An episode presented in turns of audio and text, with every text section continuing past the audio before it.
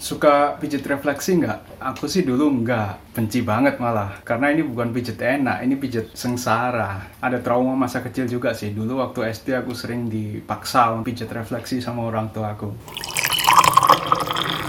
Assalamualaikum warahmatullahi wabarakatuh udah tahu kan refleksologi itu kayak gimana. Itu loh yang telapak tangan kita atau telapak kaki kita ditekan digerus atau dijepit kadang-kadang pakai jari-jari pemijat kadang-kadang pakai alat. Nah itu sakit banget itu. Terutama kalau ada organ tubuh kita yang bermasalah. Kalau aku selalu nyeri pas jari tengah kaki kanan ditekan. Juga bagian pusat ini tengah solar plexus itu sakit. Tapi ya nggak sampai jerit-jerit laki kok dengan pijatan ke titik-titik yang tepat peredaran darah bisa lancar. Karena pada dasarnya ada 7000 ujung saraf di telapak kaki kita aja. Dan semuanya terhubung ke seluruh tubuh melalui sistem saraf pusat. Memijat ujung-ujung saraf itu sama artinya dengan merangsang organ tubuh kita untuk melakukan self healing atau penyembuhan secara mandiri contoh kasus nih ya aku dulu pernah batuk kering selama lebih dari satu bulan, minum OBH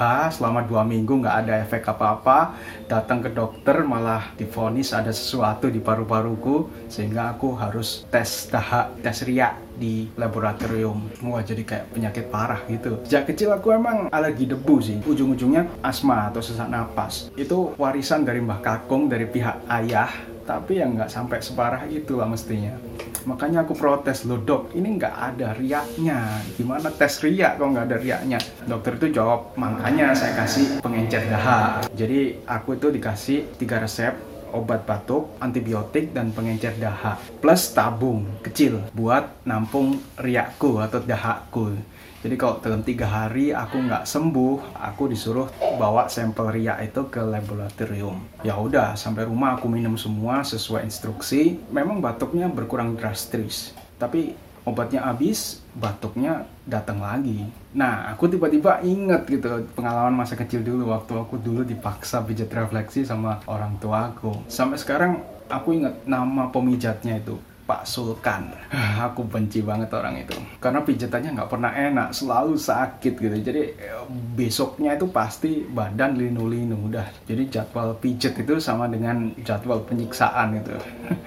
Buat apa orang tukang siksa gini dipanggil ke rumahku, dibayar lagi ngapain juga buat asmamu nah biar nggak kambuh-kambuh lagi gitu jawaban orang tuaku Apanya? Sudah pijat rutin, tetap aja aku sesak napas. Terutama habis beres-beres kamar atau habis jalan sehat. Udah pijatnya sakit, hasilnya nihil kan mubadir. Pokoknya sejak itu aku benci pijat. Aku benci Pak Sulkan. Tapi setelah dewasa, setelah batuk kering nggak semua-semua, tiba-tiba aku ingat beliau lagi gitu.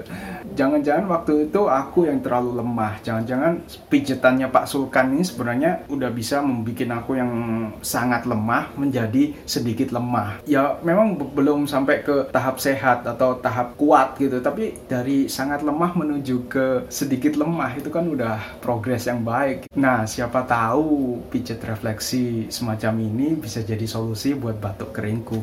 Karena batuk dan sesak napas itu kan sebenarnya jurusannya sama aja. Udah akhirnya aku pergi ke stand pijat refleksi di salah satu mall tapi sebelum pijat aku konsultasi dulu ke terapisnya atau ke tukang pijatnya mas aku batuk nggak sembuh sembuh kira-kira bagian tubuh mana yang harus dipijat dia jawab kalau uh, batuk ya biasanya kaki dan pundak. Kalau pundak bagian sini sini sini kalau kaki bagian sini sini. Sini kata terapis itu juga memang untuk penyakit penyakit minor begitu uh, pijat refleksi itu bisa diandalkan. Jadi batuk sakit mata nyeri punggung sakit pencernaan sampai stres itu bisa beres karena semuanya itu ada hubungannya dengan peredaran darah. Sementara untuk penyakit-penyakit berat seperti Parkinson, jantung atau mungkin sklerosis itu pijat refleksi fungsinya peredam rasa sakit aja jadi nggak sampai tahap penyembuhan. Ya oke okay lah singkat kata aku dipijat. Trauma Pak Sulkan itu ternyata udah nggak berbekas lagi jadi aku bisa menikmati sekarang pijat refleksi itu. Ya tetap sakit tapi aku bisa menikmati malah beberapa kali aku merasa ngantuk gitu saking rileksnya. Sayangnya setelah aku dipijat hasilnya kok kayak nggak ada ya. Aku masih batuk, bahkan setiap jam itu aku batuk-batuk. Tapi dari hari ke hari ternyata intensitas batukku semakin berkurang. Padahal sejak hari aku pijet itu aku udah nggak minum obat apa-apa lagi. Nah makanya aku bisa nyimpulkan bahwa yang bikin kondisi kesehatanku membaik itu pasti pijet refleksi. Nah kalau progresnya memang ada kayak gini, maka aku rencana minggu depan aku harus pijet lagi biar segera sembuh. Eh nggak sampai minggu depan udah hilang total batuknya. Alhamdulillah mantap juga metode refleksologi ini. Jangan salah, ini bukan satu-satunya success story berdasarkan pengalamanku.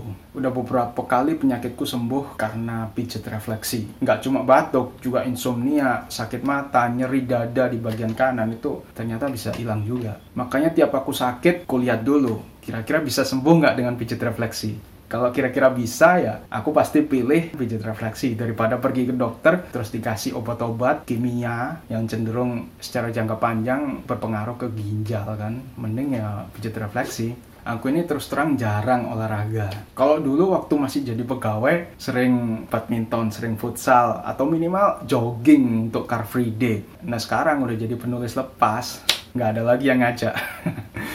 Kasian ya. Tapi alhamdulillah aku jarang sakit meskipun lima tahun belakangan ini udah jarang olahraga.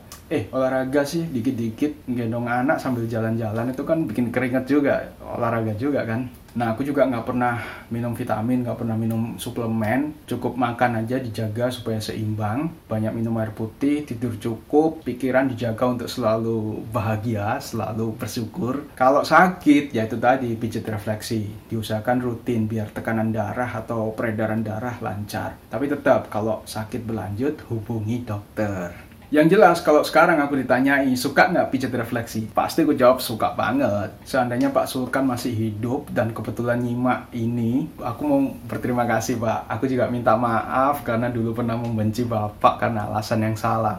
Ya semoga pahala Bapak terus mengalir lah karena sudah banyak bikin orang sehat gitu. Begitu juga yang dengar podcast ini, kudoakan semuanya sehat terus di tahun 2020 dan tahun-tahun berikutnya. Amin. Wassalamualaikum.